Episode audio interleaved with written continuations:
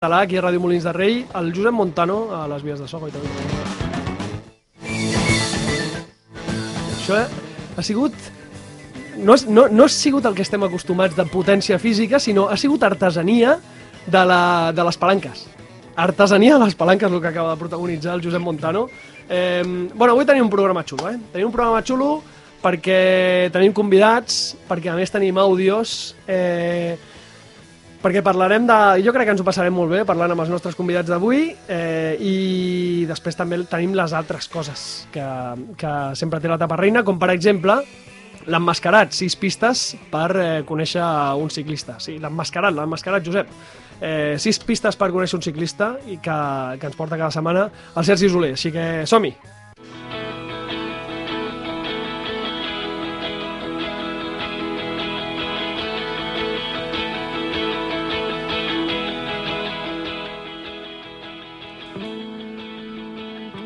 Pista 1. La pista 1 pensava, Roger, que que em anaves a, a donar pas... A... Primera vegada que hi ha caos. Hi ha Pen- caos? Pensava que diries, eh, destapem el de la setmana passada i tal, però no. Pista, Pista 1. 1. Uh, va debutar com a professional l'any 2001. Pista 2. Va néixer al Regne Unit. Pista 3. El seu primer equip professional va ser el Linda McCarthy Jacobs Creek Jaguar. Pista 4. La seva especialitat són les contrarrellotges. Pista 5. La darrera victòria important eh, és el Campionat del món de contrarrellotge del 2014. I pista 6. Una anècdota. Té només 8 medalles olímpiques. Voleu que mm, sabem qui era l'emmascarat de la setmana passada, ja que ens passem el guió per la torera? És que he pensat que avui era millor fer-ho així. Ah, bueno, eh, avui creem, avui creem. Sí, I, sí. Escolta, Ah. per cert, un moment. Digue'm. Jo ja el sé. Ja, això ja d'entrada. Això d'entrada. A la quarta pista... T'he Eh? de dir una cosa, Lluís. Sí. Els dies que dius jo ja ho sé haurien de ser els difícils. Els que són assequibles, no, no, no estiguis eufòric. Bueno, doncs, eh, qui era la setmana passada? Doncs la setmana passada vam parlar de- d'un membre d'una família que, doncs, que es- mm, s'ha retirat fa, fa poquet i que és el Nicolas Roche, Sí. um, irlandès, un bon escalador i, i bueno, que vam destacar que havia guanyat la, la, darrera, la darrera victòria més important era el campionat nacional, tant en ruta com en crono, el 2016, a Irlanda, que és un país que el poc que té ho té bastant, bastant potent, la veritat. Mm -hmm. eh, té ciclistes bastant, bastant... Però passa que no en té molts. Llavors, bueno, Clar, i donava, fàcil. donava a pensar que era el Dan Martin, no? D'alguna pista Clar, podia portar el... la, la idea era aquesta, que confondre amb, o intentar confondre amb el Dan Martin, eh, bàsicament. Però Vale. Molt bé, doncs, eh, si us sembla, anem a parlar d'actualitat una I mica? tant! Doncs anem a parlar d'actualitat. Fot-li, Josep, a l'ataque.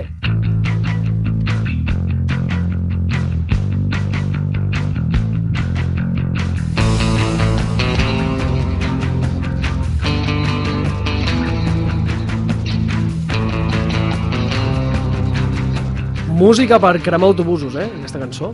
Boníssima, eh? Boníssim, sí. Eh, de què voleu començar parlant? Tenim... A veure, s'ha acabat la temporada, pràcticament. No tenim molta, molta actualitat, però tenim una gran notícia. Tobias Foss, Què ha passat amb Tobias que ha estrenat el mallot de campió del Ah. món de contrarrellotge fent una molt bona contrarrellotge, Sí, però no guanyant, però quedant-se a dos segons del campió. de Stefan Kung. Mhm. Trobo que, de debò, és una molt bona contrarrellotge. Trobo que és- té molt de mèrit començar defensant un mallot que tothom pot posar en dubte d'aquesta manera. O sigui, 45 quilòmetres de cursa contra rellotge, que és una cosa que ja no veiem mai, i a dos segons de Stephen Mm. Kung. Ho trobo realment remarcable. Van Dijk, no? Va guanyar la femenina. Més d'un minut sobre la segona. Eh? Sí. Això, això és un altre nivell, ja. Ja això és una altra, una altra classe, ja. Eh, què et va semblar? Vas veure alguna cosa o no? No. Has vist eh, resultats? He vist resultats, en aquest cas. Sí, Crono de Nacions, realment crec que cap any he arribat a veure res més que un resum, Ah. diria, eh? Bueno, i has vist alguna cosa de Benetton Classics? He vist... Uh... Guanyen Mark Hirschi, tio. He vist que un senyor que es diu Mark Hirschi diem, ostres, Hirschi ja no és el que era, Hirschi està desaparegut. Ha guanyat quatre clàssiques aquesta temporada, eh? Sí. Totes italianes o una suïssa, em sembla que és, eh, totes de nivell, diguem-ne, baix, sí. però les ha de Bueno. guanyar. És a dir, de vegades queda setantè, de vegades desapareix de les curses, però el dia que està bé, aquell dia, saps, allò doncs hi posa la banya, eh? Clar, el tema de Mark Hirschi és les expectatives que hi havia, no? I crec que pot tornar, és a dir, un, un, un, ciclista que és capaç de guanyar en curses, encara que siguin davant de rivals no especialment punters, però que té aquesta capacitat de guanyar quatre clàssiques al llarg d'un any des de la primer dia que va debutar i l'últim que competeix, que això també és curiós, Sí. amb dues més pel mig, és algú que no ha perdut el talent. És a dir, jo crec que el que ha de trobar potser és regularitat, eh, tenir objectius clars, saber quin és el seu rol a l'equip de forma més potser concreta, que aquest any jo crec que ha anat molt divagant. Ara el posem a l'equip del Tour i està allà que no està en forma i tothom ho veu, i llavors Sí. sí. perds una mica de credibilitat davant la gent, però no és decisió seva perquè va entrar a última hora. Llavors jo crec que ha tingut un any d'alts i baixos que la gent, venint de l'any passat, que també havia estat ja una mica estrany, doncs eh, ja veia venir que aquest ciclista ja no aniria enlloc, però els dies bons per ell són molt bons. I llavors jo crec que això, de cara al 2023, hauria de ser com un punt de partida, no? La base de dir, mira, si això m'ha funcionat bé, anem a mirar per què m'ha funcionat bé a Benetton, per què m'ha funcionat bé doncs, a Alfredo, no? El primer torneig que va doncs que va competir al començar la temporada i a veure si d'aquesta manera troba una trobada al seu lloc perquè quan roda, Mark Hirschi és una, és una passada 24 anys. Clar, és que també és temps. molt jove, clar. Mm. És molt jove també, i, i el canvi d'equip, eh, no sé si... A vegades hi ha ciclistes que els ajuda, a vegades no. i a vegades d'Estarota I a vegades d'Estarota, i va amb un equip que, que, clar, que té un tal Tadej Pogacar, més o menys de la mateixa edat, que clar, i unes quantes estrelles més abans Sí. que Hirschi sí. Em, més cosetes d'aquests dies, hi ha hagut el... Està a Venti. Està a Venti, el Tour de l'Ancawi. Us interessa el Tour de l'Ancawi, eh? a Us interessa aquest any especialment. A veure per què Pues perquè tenim un amic. Tenim varis amics. Anava a dir, tenim... Sí. Comencem, si vols, pel d'aquí, que és Sí. l'Adrià. Bueno, és que avui ho ha patat. Clar, és a dir, avui Adrià Moreno, un Mm. senyor d'Olot, que li ha del fuet, recordem-ho, ho va dir aquí la Taparrina fa potser 8 anys, Sí, al quan principi estava a la Gran. Bretanya buscant-se la vida, Que trobava a faltar el fuet. que trobava a faltar el fuet, que per Sí. tant li agrada. A dir, Sí, no dic cap clar, mentida, suposo. clar. suposo. Potser és vegetarià a dia d'avui, no ho sabem, eh? però en Ja. tot cas li agradava el fuet, Sí. això segur. Ha fet tercer en una volta per etapes de nivell pro. Sí, sí. És el seu millor resultat, jo diria, com a professional, o el seu segon millor resultat. Sí, és, és del top 3, segur, dels dies com a ciclista d'Adrià Moreno, Sí. ciclista del Burgos, Sí, català, sí. de Socarrel, triomfant a Malàisia.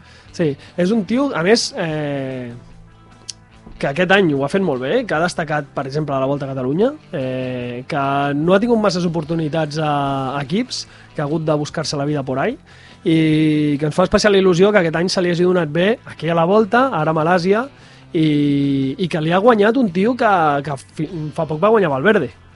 És a dir, que no ha guanyat un qualsevol, eh? tot i que a vegades el nom encara no ens, eh, no ens soni, doncs eh, això no... Ha estat a punt, després de 70 quilòmetres escapat. Finalment ha fet tercer, també hi ha l'Àlex Molenar, eh, al Burgos, allà corrent amb ell, eh, que també ho va fer bastant bé ahir, o abans d'ahir, que va fer 7 o 8 eh, a l'etapa. El Penyalbert, que porta un tou de top 10 Sempre està per allà. de Torrevella. El Siritza, aquest tio en parlarem algun dia, eh? Mm. que menja pedres, eh, que... D'on és? És rus? És rus. És rus. I... És té una- rus, però, però vaja, també una mica nostre. És bastant nostre. Eh, El considerem nostre. Sí, no volem Sobretot fer si massa guanya. spoilers. Sí, sobretot si guanya. Eh, no volem fer massa spoilers, però eh, aviat tindrem coses aquí al programa sobre Siritza i després tenim Jan Valjeans. Bé, Valjeans. aquest, aquest és el top, no? Aquest és el, el que seguim cada dia, eh, la xarxa. Si no sabeu què és l'etapa reina a Twitter, entreu un moment i veureu que és una cosa estranya que només parla d'un ciclista de Mongòlia, Sí. bàsicament. Eh, Jean Valjean Saint Bayard, deixa'm mirar a veure quants eh, seguidors a Twitter té ja el, el, el bo de... Potser ja ronda el 150, no? Jo diria No, que... més, més. 151. Epa, 151. doncs això ha crescut, eh? Sí, perquè quan vam començar nosaltres a animar la gent que el seguís, no, no, en tenia 80 i pico. Sí, sí. O sigui, la meitat dels seguidors són gent més propera al Moianès que a Mongòlia. Això també es fa il·lusió. I ho està fent de puta mare, el tio, eh? Està, està empatat a, a primer a la classificació de la muntanya. No sé per què el posen segon, però... Perquè li tenen mania. Tongo! Ah, tio, És un sisplau. tema de manies. I, i va novè, avui s'ha posat novè, l'ha avançat a, a, a algú, eh, de la General. Està molt bé. I mires, Joder, els, els, mires els noms de la gent que hi ha allà, a veure, no és una, no és una volta on vagin els megatops mundials, No és la volta a Catalunya, però, No, però, però- està en un top 10. però sí, sí, o sigui, està, està molt bé. Ja, Ivan Ramiro Sosos al final dius, i està allà, davant de molts corredors que a priori, bueno, a priori no, dir que, que, que tenen més, més, més palmarès i més... palmarès i més sou i millors contractes i millors Exacte. condicions per entrenar i per competir i amb estructures molt fortes i... Hi, hi ha una imatge molt bona, tio, del podi allà, com es diu, a les Torres Petrones, no? Són Sí, allà, sí, sí, Kuala Lumpur, molt maques. I, I es veu ell a davant de les Torres Petrones, que sembla una torre més. És increïble allò, eh? Si I aneu mai que allà, un xàfec de collons. si aneu mai, mai allà, Sí. eh, no pugeu, no feu la turistada de pujar dalt. Tu has anat, també? He anat allà. Hosti, però cada programa t'hi vas haver anat. O sigui, de qualsevol del lloc... I, I què vas anar a fer, tu? A... A passar un dia. Igual que a Wollongong. No, Wollongong... Eh, sí, també va ser, també va ser passar un passar un dia. dia. La setmana vinent ja el, el Tour de la Vuelta a Guatemala. Hòstia, No, no. no? Bueno, però tens una setmana per anar-hi. Val, uh, ja et dic ara que no tinc temps aquesta setmana. I bueno, Doncs- i què deies de les Torres Petrones? Res, que com que hi ha aquell xafogó allà, hi ha gent que puja allà només, jo crec, per les vistes que tens, perquè per pots pujar respirar. a un cert nivell, i per respirar perquè tens aire condicionat, i cosa que sempre Ah. va bé. Però a fora, a baix, hi ha com una piscina, bueno, com un estany així fet, perquè la gent es banyi allà, Ah, i també, bueno, està, està bé, no cal pujar a dalt, doncs com a recomanació. Doncs molt bé, doncs No he, ell... no he pujat a dalt, per això ho recomano, perquè si a la gent que hi hagi anat allà em digui no, és que dalt és guapíssim, a mi em fotria ràbia. Ja. doncs en Valjeans va pujar, però al podi, eh, el tio recull el...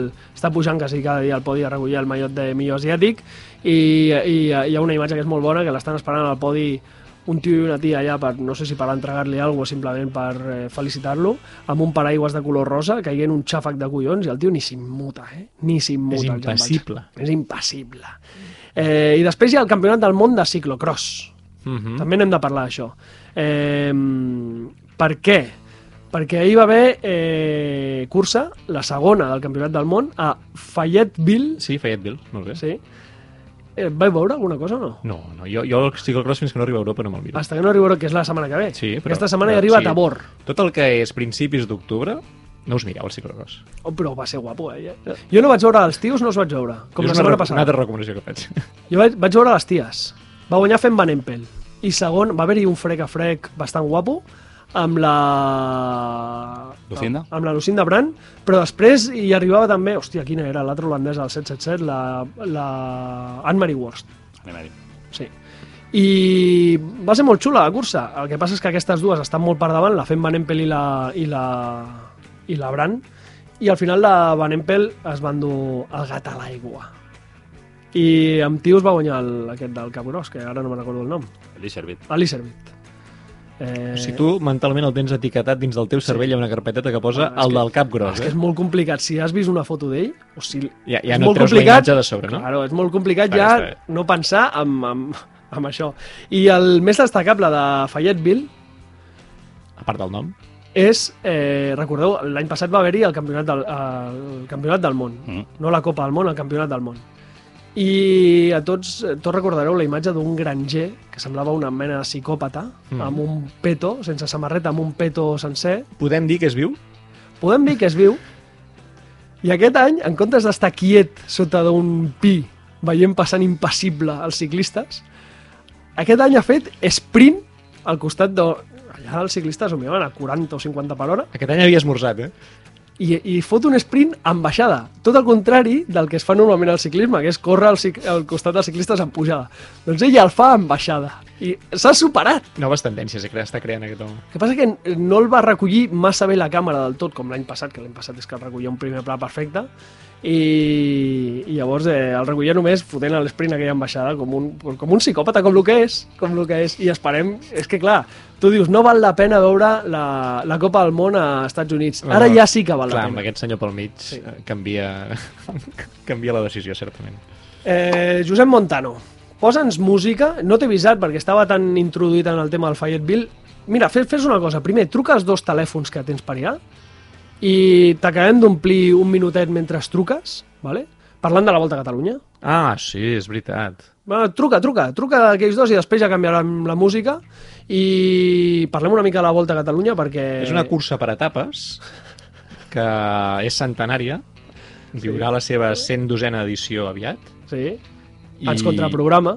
i avui anunciat Avui no. que avui anunciat avui, avui sí, sí. que aviat presentaran una etapa a les Terres de l'Ebre que es disputarà el divendres 24 de març entre Tortosa i l'Oport i que prometen que serà espectacular. Ah. I, no, I, no tinc res més. I la setmana passada, dimarts, just el dia després del programa, van anunciar que tindríem final d'etapa a Molins, això ja hem fet un podcast sobre tot això, i el podeu escoltar doncs, a l'Evox o a l'Spotify, un podcast de 20 i pico minuts que et vas córrer tu, Roger, que molt ben parit, i ens ho vam passar molt bé fent-lo, no? Va ser un podcast d'urgència, Un podcast d'urgència i per parlar una mica d'aquesta bona nova, eh, doncs que això, la volta ciclista a Catalunya arriba a Molins de Rei per primera vegada a la història amb un final d'etapa. Mm. I al podcast ja sabreu una miqueta d'on ve aquesta història, quina sortida hi va haver, com recordem aquella sortida, què veiem del recorregut, com ho analitzem, què n'esperem d'aquell dia, què volem fer com a l'etapa reina. Tot això ho a aquell podcast. sí. Hi ha la incògnita encara del dia? Uh, jo diria que no. És a dir, oficialment hi ha la incògnita, però hi ha algú d'aquest poble Que ho ha dit? que va dir un dia, i com que aquest algú d'aquest poble té la condició d'alcalde, intuïm, intuïm que que, xinos- que va la cosa. que ho deu saber. Per Vale. tant, podríem avançar avui respecte al podcast com a nova informació i com a informació transcendental, Sí. que és que el dia que vindrà la volta ciclista a Catalunya, Molins de Rei, amb una arribada èpica, Sí. serà el dissabte 25 Buah! de març de 2023, un dia que per tant ja podeu apuntar a les vostres agendes que hi haurà una gran festassa del ciclisme. Buah. Final al, al Castell Ciuró. Final Castellciuró? Això Com més ho adelantes eh? tu? Això ho adelantes tu? No, però seria brutal. No, al final encara no el sabem. O, no, o el podem intuir, però encara no el sabem. El podem intuir, però no, no està confirmat. Sí, no està confirmat. El que tampoc estan confirmat són els actes que hi haurà per la festa. Serà una gran festa i tenim ganes doncs, de, de, de fer moltes coses. I sí que estem oberts a que si teniu alguna idea ens la feu arribar. I si teniu mans, també. És Eh, a dir, volem gent que vulgui fer coses aquell dia per fer-la molt grossa. Això mateix.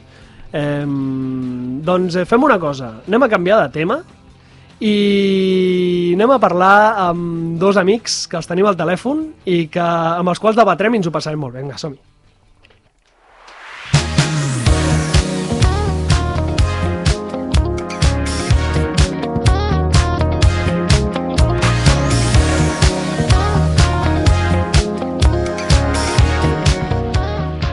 Doncs eh, al final de temporada sempre es plantegen debats que probablement no van enlloc, però eh, ajuden a passar-t'ho bé i a fer temps perquè arribi la Omloop.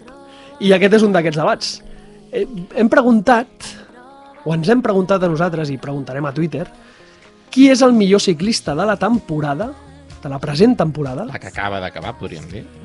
i qui és el millor eh, ciclista del món, independentment que aquesta temporada ho hagi fet bé o no. Qui és el millor ciclista del món? Llavors hem convidat, a part del Roger Castillo i el Sergi Soler que, que estan aquí a la taula, hem Gràcies, convidat Lluís. a dos amics que els tenim al telèfon. I us els presento com si això fos una ràdio, com si fos un programa professional. El primer és el Xevi Planes, periodista, una de les referències de Twitter ciclisme per mi, ara en català ara mateix. I què tal? Bona tarda, Xevi. Bona tarda. Doncs molt bé, encantat de participar en el debat i el programa. Bueno. Moltíssimes gràcies. No, a tu, home. I també tenim el Joan Zamora, que és membre de Peu de Port, i també una referència a Twitter, però eh, de meteorologia. Què tal, Joan?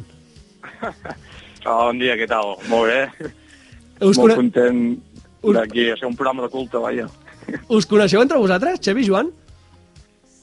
No, No? no, no, no. Doncs ens no, coneixerem no avui. Coneixíem, alguna, alguna vegada sí que havia sentit el seu programa, però no ens coneixíem. Ah, molt bé, doncs mira, perfecte, que fem aquí de... de... Us presentem nosaltres. Eh, mira, primer de tot, eh, nosaltres us hem demanat que, que trieu el millor ciclista de la temporada i el millor del món. Llavors, primer de tot vull els titulars i després eh, ja ens extenem. Xevi, per tu qui és el millor ciclista de la temporada? Remco Benepul. De la temporada El- Remco el i de del la món? ho tinc clar. I del món? Del món no ho tinc tan clar, tinc molts dubtes. Segurament em quedaria amb Wout van Aert, però tinc molts dubtes. Vale, Remco i Boot. Eh, Joan, per tu qui és el millor de la temporada? Uh, aquí coincideixo també, Ebenepul. Ebenepul de la temporada... Us heu, us heu trucat abans, sí que us coneixeu, no? I- he intentat, he intentat buscar algú, algú més per intentar portar, ja sabia que per portar discòrdia, però és que no hi veig gaire més debat aquí. Bueno, pues ja veurà, ja te la trobaràs aquí la discòrdia. I, el, i del món? Aquí dic Pogacar, jo. Pogacar del món. Sergi, aquí al plató. Qui Vale. és el millor de la temporada? Pogacar, Pogacar el millor de la temporada. Hmm. I del món? uh, Wout van Aert. Wout van Aert. Vale? Eh, Roger, Vols anar tu abans o no? si vols vaig jo. Perquè tu ho tenies claríssim. Jo ho tinc O sigui, claríssim. Tu, tu ja fa dies que no dorms pensant en Minut això. zero. Bé, estic defensant, estic afilant ganivets. El, meu, el millor de la temporada és Wout van Aert, a més sense cap mena de dubte, i el millor del món és Pogacar. I tu, eh, Roger? Jo intentaré no repetir. Ojo. Intentaré no repetir. Uh, en algun dels dos potser em costa una mica defensar, però crec que us puc convèncer. A veure on te'n vas a buscar al final, de, al fons No, de no, no, l'armari. no, no, no, al contrari. És, o sigui, a veure, el nom de la temporada és evident que és Jonas Vingegaard. Jonas I, ara, I Vingegaard. ara ho defensaré, però vaja, o Vale. sigui, sense cap mena de, de dubte. Vale, I el millor del món, sí. em sap molt greu, però molt greu, que no hagi sortit encara el nom de Primoz Roglic. Vale, Primo Roglic. Eh, bueno, li costarà defensar-ho. Eh, si voleu, comencem pel Xevi i digue'ns per què Remco Evenepoel és el millor de la temporada i Wout van Aert el millor del món. El millor de la temporada, sobretot, jo el veig clar pel resultat. Perquè potser, no ha sigut tan regular com Pogacar o Van Aert, que per mi serien les alternatives, més que Vingegaard, però és un corredor que ha guanyat Mundial en ruta, ha guanyat una gran volta i ha guanyat un monument. I crec que és una cosa històrica i per això jo crec que només per resultats, a més ha guanyat el, la clàssica de Sant Sebastià, ha guanyat el Nacional en Keono, ha fet podi al Mundial en Keono, jo crec que per resultats és indubtable que Benepul, encara que les sensacions o que la regularitat no sigui la mateixa que les altres, per resultats jo ho veig clar. I Wout el del món. Sí, aquí tinc molts dubtes, ja ho he dit, entre Pogacar i Wout Van Aert, però Van Aert sap fer tantes coses i les fa totes tan bé que és un dels millors sprinters del món, és un dels millors contrarrellotgistes del món, és un dels millors classicòmens del món, és un dels millors gregaris d'alta muntanya del món. Em costa molt no triar-lo. Bueno, doncs eh, Renko i Wout... Bueno, bueno. Joan, eh, de la temporada de Benepul, per què Benepul? Sí, aviam, jo sempre, sempre parteixo en realitat que el millor de la temporada és qui guanya el Tour. Dit això, Bueno, pues, eh, pues hòstia, Joan, pues anem Això, malament perquè això. ja li estàs donant benzina amb el Roger. Ja comences malament, No, tio. no, però aquí ve el pro. El pro és que no, aquest any, en realitat, per resultats purs, el guanyador del Tour, que, que és Vingegaard, no ha tret cap gaire més resultat, a Mhm. diferència del que passa molts altres anys. En canvi, de re- resultats purs, eh, vull dir. En canvi, Evenepoel per mi fa una tem- temporada um, de molt nivell. Um, una gran volta mundial i monument és cosa bastant, bastant sèria. I, i també discrepo una mica perquè crec que sí que ha sigut bastant regular, en realitat. Ell potser no s'ha medit cara a cara um, en alguns moments, per exemple, el Lieja, no faltava Pogacar, però ell ha sigut bastant regular, guanyant des, de, des del febrer, guanyant alguna... Um, guanyant a Suïssa a l'estiu, bueno, no, no sé si guanya Suïssa o no, alguna etapa, de, bueno, No. també té victòria a l'estiu i, i acaba guanyant el Mundial. Per tant, per mi sí que ha sigut regular i la clàssica Sant Sebastià, etc etc. A veure, jo tinc dos preguntes per vosaltres, eh, en clau i Benepul, eh? Sigui, la primera és...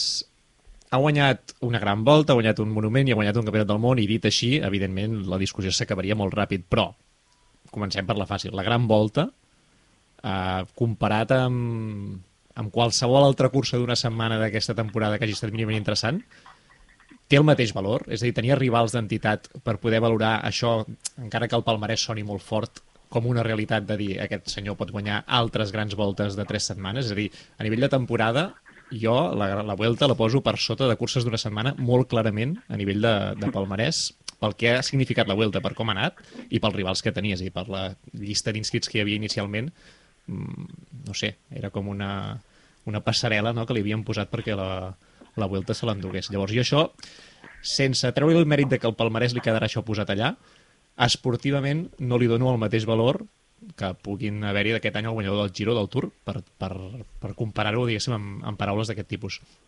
I l'altre és que dels monuments s'ha quedat la cursa que de monument té molt poca cosa. És que li té molta mania. És que li tinc té molta mo- mania al Lieja bastant Lieja i per tant jo a la gent que va allà a guanyar en general no li tinc massa respecte. I com que Remco Evenepoel és el primer important que ha guanyat a la seva carrera, doncs a partir d'aquí em costarà molt el defensar aquest corredor com el millor d'una temporada, encara que doncs, sigui un dels seus tres plats forts de la temporada. Té, per mi ja només li queda el Mundial, i el Mundial, bé, va fer el que tothom ja sabia que feia i les restes de seleccions li van regalar perquè no van voler doncs, eh, aspirar a guanyar. Per tant, tres grans victòries que queden eh, molt diluïdes des del meu punt de vista. Collons, quin fanatisme que hi ha aquí. Eh, home, sí que és cert. Jo, Digues, digues, Digues, digues. Foli, foli, foli. que jo la Vuelta m'agrada rebaixar-la molt de nivell i estic molt d'acord, però fins al punt de posar-la per sota de voltes una setmana m'agrada, m'agrada És un hooligan. dir, El eh? Roger és un hooligan.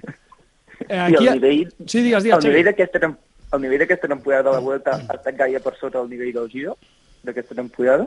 Uf, jo Perquè crec- jo crec que no. Ha estat, eh, realment potser ha estat similar, eh? No, ha sigut pitjor Giro. Sí, Pitjor allà. Giro, no? Sí, de debò? Sí, la Vuelta Sí, almenys sí, ha sí. tingut el... en- eh, Tenia Roglic allà fins a última setmana, després tenia l'Ayuso i el Carlos Rodríguez, que mm, són, és la primera vegada que es veuen en aquesta situació, però almenys han plantat una mica més de cara. Eh, no sé, el Giro a mi... uf, em Jo- jo, li dono més valor, jo li dono més valor a la Vuelta de Benepoel que al Giro de Hindley, la veritat. Jo també. Jo també. Això no vol dir que tingui un valor extrem, perquè jo crec que eh, Evenepoel, si Roglic no té la mala sort d'estampar-se amb el Wright, eh, el, ja no dic que no guanyi la Vuelta, és que potser no guanya ni el Mundial. Eh? Jo crec que eh, el fet de, que, de, de, de guanyar la Vuelta eh, sense... Eh, Li dona moltíssima confiança. clar, li dona molta confiança, no? Sí, sí, Sense evident, confiança eh, per- no es va enlloc, per tant jo crec que no es mereix eh, ser... estem, pues estem dinamitant a Benepool com, no. com podríem fer tot el contrari, eh? O sigui, per- perquè ens ha donat per No, aquí. no, no, no, no, al contrari. Jo mai hagués defensat per- Evenepoel avui en aquest programa i et diré ara per què, perquè ara ja hem arribat a la conclusió que ni el Giro ni la Vuelta, i això ja compro el Giro, no han estat a l'alçada, llavors només hi ha hagut realment una cursa per etapes digna, digna, digna, digníssima aquest any, que ha estat el millor moment de la temporada ciclista, clarament jo crec per consens, de forma i també totalment sorprenent, que ha estat el Tour de França.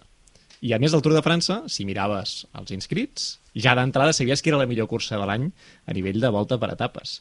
I si a més a més l'espectacle esportiu que hi va haver era d'una ambició desmesurada per intentar guanyar el Tour de França per part de més d'un equip amb moltes ànsies i amb molta estratègia, amb moviments tàctics, amb etapes doncs, realment apassionants, el que guanya allò, aquell dia, eh, bueno, aquell, a final de juliol, és Jonas Vingegaard. Per tant, realment, el millor triomf de la temporada l'ha fet ell, i si sumem la resta de resultats que diem, home, no té cap monument, el Mundial ni tan sols eh, hi apareix, mm, puc comprendre-ho, però també és cert que les voltes per etapes que va, acaba fent dos segons llocs a dues de les millors voltes per etapes perquè cedeix l'espai al seu líder d'equip, que era Primoz Roglic en aquell moment. Mm, si hagués volgut i l'equip l'hagués deixat, hagués tingut doncs, dos voltes eh, d'una setmana al seu palmarès de les més lluents, molt millor que la Vuelta i que el Giro d'aquest any, i el Tour de França, on va demostrar el domini sobre els millors del món. Per tant, a mi em sembla que la millor temporada, sens dubte, és la del danès. Vosat, Hòstia, com- vosaltres, com ho veieu el, eh? vosaltres veieu, eh, Xevi, veus el, a Vingegaard entre els 5 millors d'aquesta temporada? Sí, sí, sí, Entre els cinc, és sí. evident. Per mi segurament tercer o quart. Tercer o quart, eh? però mai Ah, el millor. Bàsicament crec que hi ha quatre corredors que aquesta temporada han estat per sobre de la resta i això més o menys crec que hi estarem tots d'acord, suposo. Mm.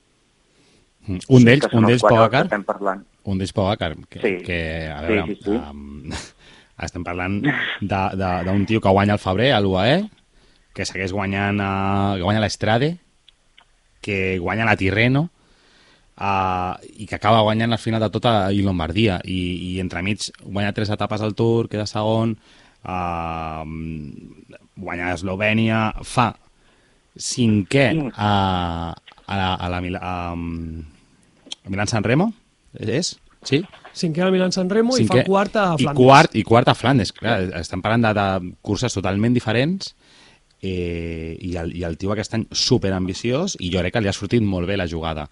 Uh, si hagués guanyat el Tour, no hi hauria discussió alguna, que seria el millor, el millor sí o no? Però tot i així jo crec que ho és. Bueno. Joan, Xavi, jo. Jo. aneu a cuchillo perquè nosaltres anem parlant, eh? Si no, no us deixem parlar.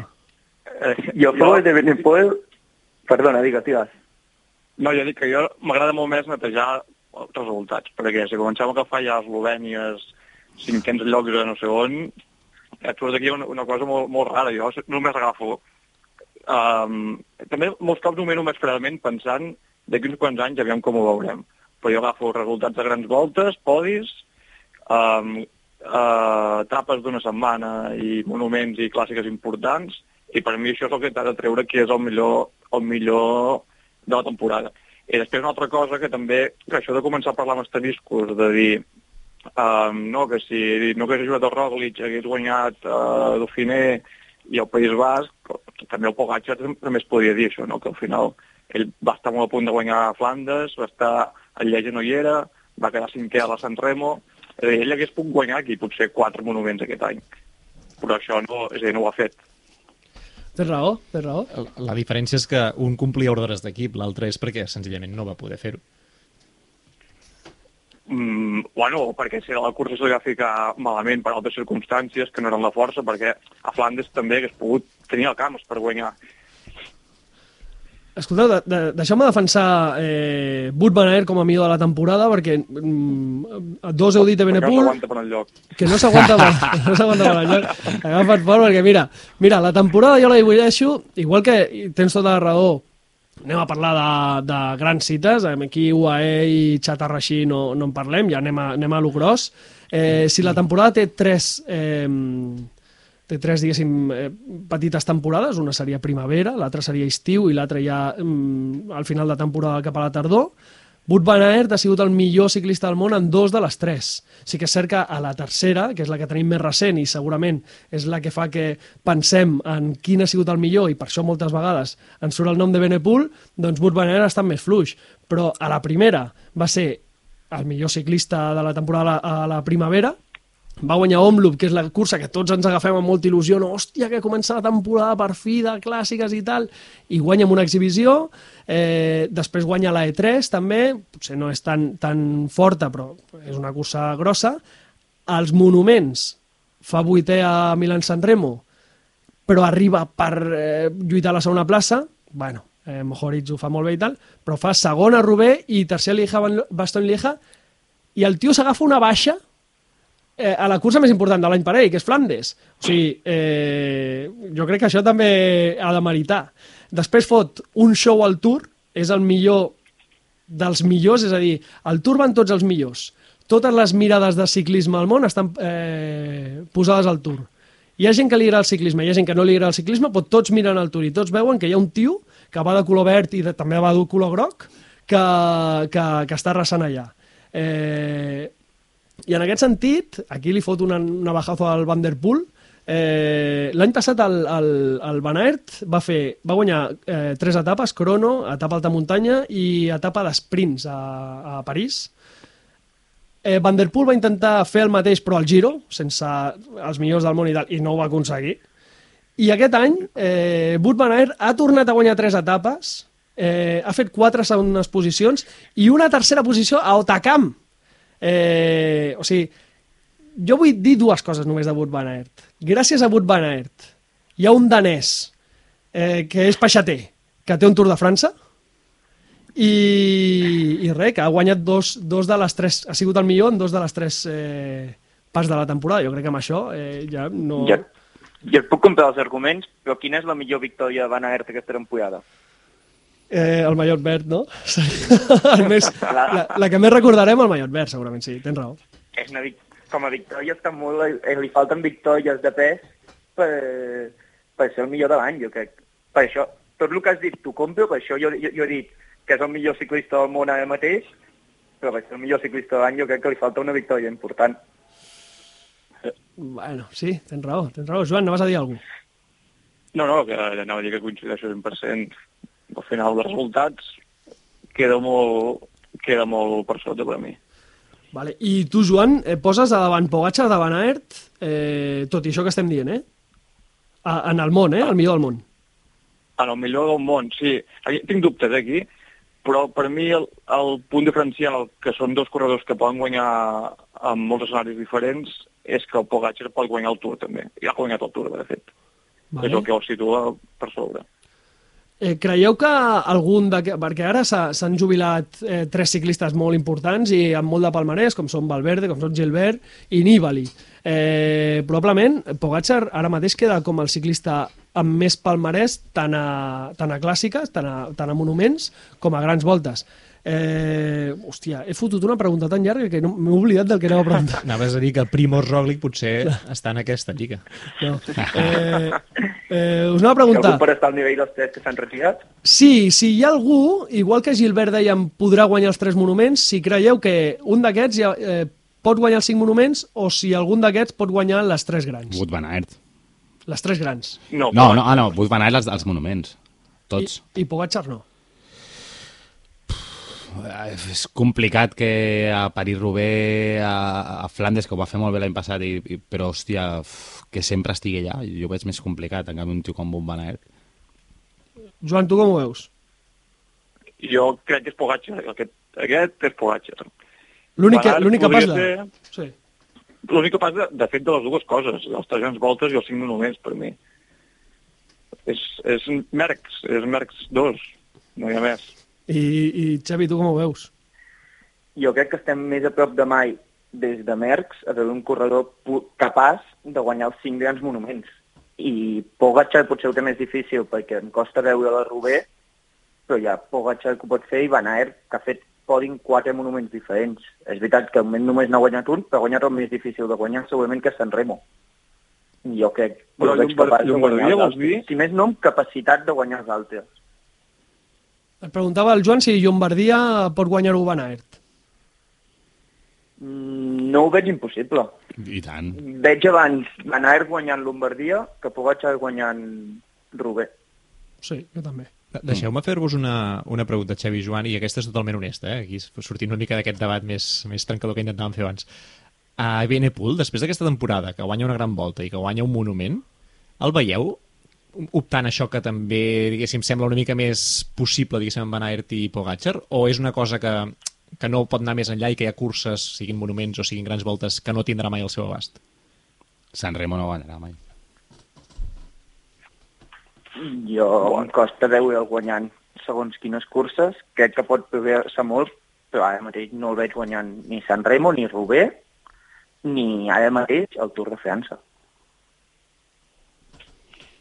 Jo, jo he de dir que la Benepool, això que acabo de dir del Merckx 2, ho deia de la Benepool quan va començar a sonar, em pensava que seria això, i ara sóc un xaquetero i ho dic de Pogacar. Però jo he de dir que també em costa dels cinc monuments um, el Rovell, això encara el veig, bueno, no sé si el veig menys, però no se l'ha vist mai res. I el Tour, per mi hauria de ser un Tour una mica barat que ho pugui guanyar. Veiem el que hi ha ara mateix. Com aquesta vuelta. El, el que passa és que Benepoel té 22 anys i ha corregut dos grans voltes, una de les quals ha abandonat després de venir d'on venia. Per tant, el marge de progressió és molt gran. No sé on pot estar d'aquí 5 anys. Veieu possible llavors eh, que Benepul acabi guanyant eh, les tres? Les tres grans o no? Possible, sí. Jo ho veig difícil, però possible sí. Vale. Els cinc monuments no. Els cinc monuments impossible. Vale. Eh, voleu seguir... No? És que us he preparat una cosa. Us he preparat una, una cosa a vosaltres dos. Eh, eh, us he preparat un concurs. això, és un... a- això no us ho esperàveu, perquè no havíem quedat així, que no? Doncs No, s'ha vingut a jugar. hem vingut a jugar i us he preparat un concurs eh, perquè, clar, eh, espera un moment que tinc aquí, aquí, aquí tinc. Eh, clar, d'això, de tot això que estem dient de qui ha sigut millor i qui ha sigut pitjor, la UCI fa, eh, puntua i llavors eh, fa, fa, una, fa una llista amb els millors i els pitjors segons la UCI, que això no vol dir que la UCI tingui raó, aquí la raó eh, la té la gent de Berga i la, la gent de Girona. Eh, però la UCI diu que el millor de la temporada ha sigut Pogacar, el segon millor Van Aert, per uns punts, i el tercer Ebenepul. El quart eh, Jonas Vingegaard i el cinquè eh, Alexander Blasov, ¿vale? Sabent això, sabent que la UCI té aquesta llista, jo m'he imprès els 100 primers. Els 100 primers d'aquesta llista. Llavors, Vale. farem tres preguntes a cadascú. Les preguntes van de més fàcil a més difícil. No competiu, diguéssim, no heu de dir ja a veure qui respon abans, sinó cadascú tindrà el seu espai, vale? perquè això no sigui ja una bogeria del tot. Eh, Vale. Qui vol començar? Ui, qui, Bueno, Com, com vulgueu. Comences tu, Xevi? Vinga, Xevi, comences tu. La pregunta més fàcil del Xevi, espera un moment, que ficarem que tenim música de concurs. És hora de... recollir.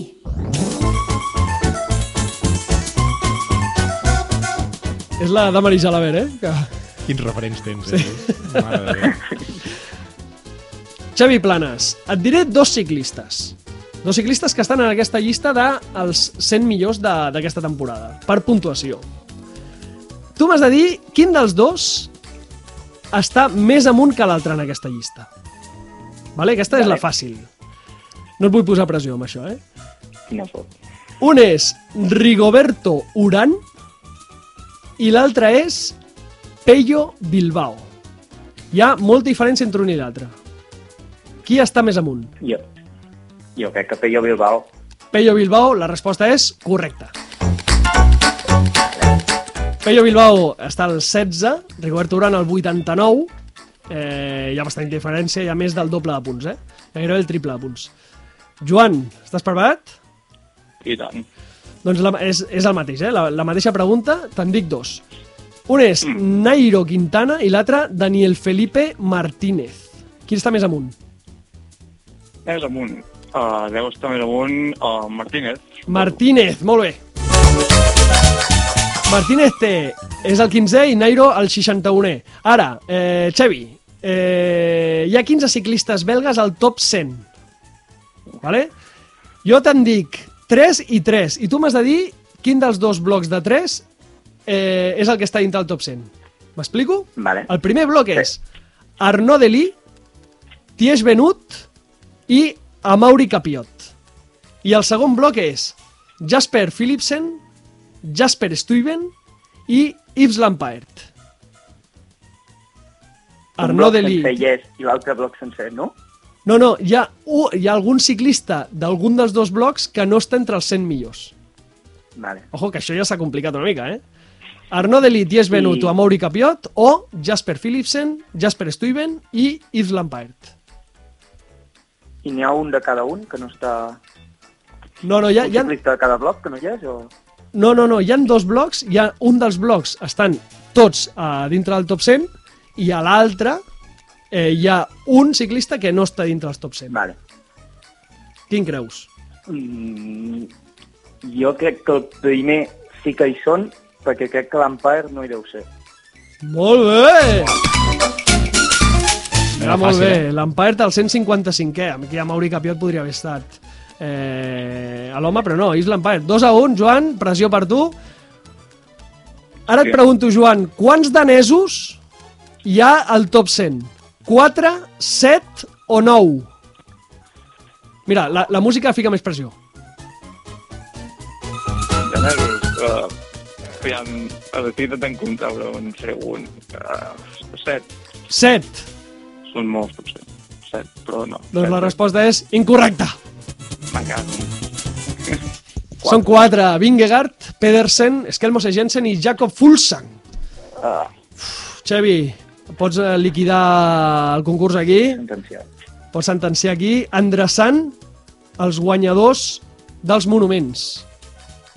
Uh, hi han cinc guanyadors de monuments, eh, Matthew Mohoric, Dylan Van Barle, eh, Renko Benepul, eh, Maciej Van Der Poel i Tai Pogacar. Me'ls has d'endreçar. Segons estan al top 100. Vale. El primer és Pogacar, Sí? el segon és Benepoel, Sí? i em falten Van Barle, Van Der Poel I Mohoric. i Mohoric. Mm, potser Mohoric tercer, Sí? Van Der Poel i Van Barle. Perfecte. Molt bona.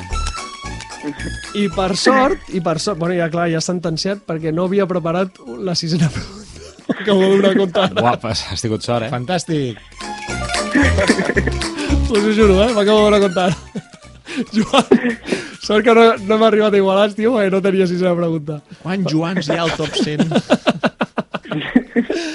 Eh, eh, joder, quina vergonya. Joan, Xavi, eh, merci per participar. Gràcies a vosaltres. Gràcies a vosaltres per convidar-nos.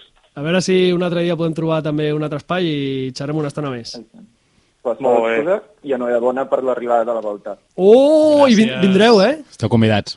I tant. I tant, Eh, és un dia que vaig veure. Vinga, és, serà un dissabte, o sigui, aquí us esperem, tio, eh, per passar-nos-ho molt bé. Aquí seré. Vinga, que vagi molt bé, vagi bé. nois. Apa, merci. Adéu, adéu. No he volgut mai avorrir-vos. La veritat no és per a cantar. Però perdoneu-me, avui us porto el més cert que sé que hi ha. Les estrelles venen van cremen ràpid o amb els anys i com els Amics, les estrelles venen. I van. Hi ha una estrella de la història del ciclisme que va venir i va marxar força ràpid. No sé si recordareu tots el nom d'Edita. Edita? Edita? Us sona el nom d'Edita? No. No. Edita, parella del ciclista de qui estic parlant, eh? O sigui, hi ha un ciclista que té una parella que es diu Edita. Edita Perón. No, Edita Rumsas. Uh, Rumses? Raimundes Rumsas. Suposo que esteu tots ja l'any 2002, Sí. quan un ciclista de l'Europa de l'Est, del bloc exsoviètic, va aparèixer al Tour de França, enrolat a les files del Lampre i va acabar tercer. Sí. I el 30 de juliol de 2002 la notícia esclatava als diaris amb una contundència alarmant. Detinguda Edita Rumsas. Perquè dos dies abans l'havien trobat amb un cotxe on portava, eh, com es diria popularment, l'oro i el moro de productes eh, dopants. Hi havia EPO, hi havia corticoides, hi havia testosterona, hi havia hormones del creixement, hi havia anabolitzants, entre altres coses, destacava la nota de premsa de Reuters aquell dia. Fato. Detinguda Edita Rumsas. I la notícia es preguntava, tindrà alguna cosa a veure amb el tercer lloc del seu marit? I Raimund de Rumsas, recordareu que va respondre, tot això era per la meva sogra, Ah. no era per mi. Tothom sap com va acabar la història. Amb Raimund de Rumsas sent el primer dels molts desqualificats que hi hauria en aquell Tour de 2002, però ens hem de quedar amb la data. El 30 de juliol de 2002 se'n va anar una estrella, però en va arribar una altra. Perquè aquell dia va néixer l'Ataki. L'Ataki Marí Divin Kwame. Molt bé. Sabeu qui és? Ah! Sabeu qui és? Sí, ara ja sí. Sabeu qui és? Aquest Perquè és una senyora que quan apareix en escena, quan té un espai mediàtic per transcendir la humanitat, Mm. sens dubte ho fa.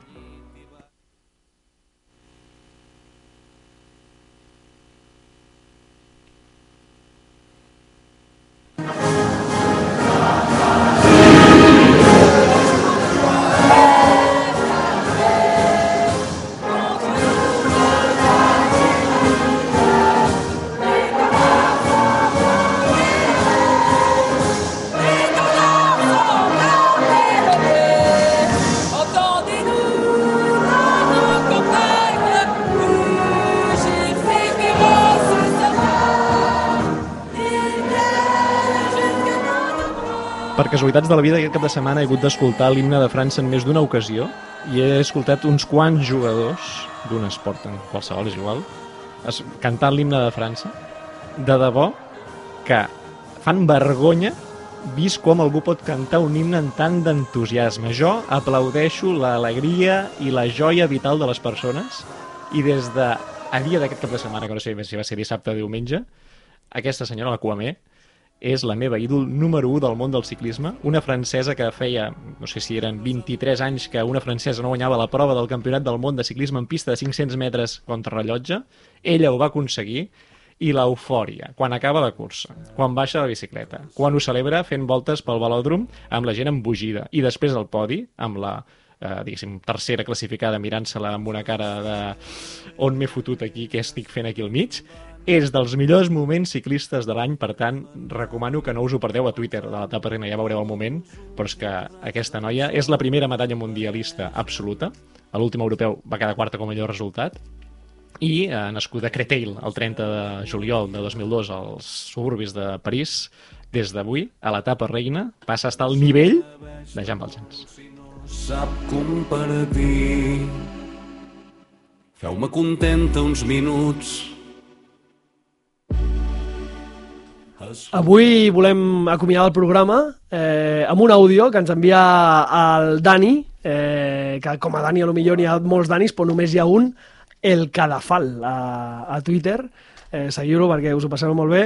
I ens ha enviat un àudio sobre el debat aquest de qui ha sigut el millor ciclista de la temporada que us encantarà. Vinga, som-hi!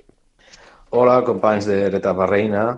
Pues, mm, avui, avui estava mirant per Twitter i hi havia una polèmica de, de rànquings, de Pro Cycling Stats i aquestes webs i, i molta gent que se fa rànquings ells sols per veure quin és el millor ciclista de la història i el millor ciclista de la temporada en funció de, de punts i tot això. Cada, quan s'acaba la temporada, cada any sempre és igual, ens avorrim i comencem a mirar aquestes coses. I, I jo he dit, pues, és que jo crec que potser el millor, el, el més sensat és mesurar-ho a pes, a pes, a quilos de trofeu, quilos de trofeu que se tenen al menjador de casa o, a, o al garatge, on sigui, i ja està, fent venir un notari de la UCI, un, la UCI està a Suïssa, que és un país neutre, fem venir un notari, la bàscula, i comencen a pesar quilos, quilos de trofeus, i, i, i ja està. I en això tenim el, el, el ciclista que ha guanyat més trofeus a, a pes de la temporada i també se pot fer el rànquing històric. Damunt és, és, un, és un paràmetre, és un, un rànquing que, que no falla, perquè segurament el millor ciclista de la història, que és Eddy Merckx, segurament és el que té més quilos de trofeus a casa. A no ser, si ho ha tirat, si ho ha tirat perquè ja fa molt de temps, és una altra història. I, i llavors no falla. Quan, quan tu fas un rànquing de millors ciclistes de la història i el millor, i el millor és Eddy Merckx, ja algo tens bo, algo tens bo. I, i, i després, bueno, a medir quilos, quilos de copes, quilos de, de lo que sigui. I d'esta temporada 2022 no ho tinc massa clar, no ho tinc massa clar, però he anat mirant i jo crec que és Tadej, Tadej Pogacar que, que arras, arrasaria, perquè ha guanyat moltes coses. I dir que no guanyar cosetes, doncs jo què sé, té una copeta per així, una copeta per allà, doncs ja són uns quants grams. Però és que Tadej Pogacar ha guanyat la Tirreno Adriàtico. I la Tirreno Adriàtico és, eh, tenen el, el trident de Neptú de trofeu, que és llarguíssim, i no sé, no sé quin, si està fet de metall, si és massís o no, però allò pesa pes. I, i jo crec que és dels, dels trofeus que tenen més pes. O sigui, Tadej, en tot el que ha guanyat, eh, crec que el, el millor de la temporada a, a quilos de, de trofeu, segur. Després està el París-Roubaix, però, claro, eh, el guanyador d'enguany, eh, Van Barle, no, no ha guanyat molta cosa més. Vull dir, hagués, hagués hagut de, de tindre algun quilo més de copa per a ser el millor de la temporada 2022 i, i els restos no, estarien molt per darrere. bueno, potser el, el Hindley, el guanyador del Giro, perquè el trofeu del Giro també, també és algo bastant, bastant grossot. Però tampoc ha guanyat res més després, no? Has, has, has de tindre algo de, de xatarra també, no? I, i Pogacar he vist que ha guanyat coses que és molt, molt xatarra, però doncs, són quilos, són quilos de, de trofeu. Doncs eh, fins aquí el programa avui, ens ho hem passat bé. La setmana que ve, més i millor. Que vagi molt bé. Adéu.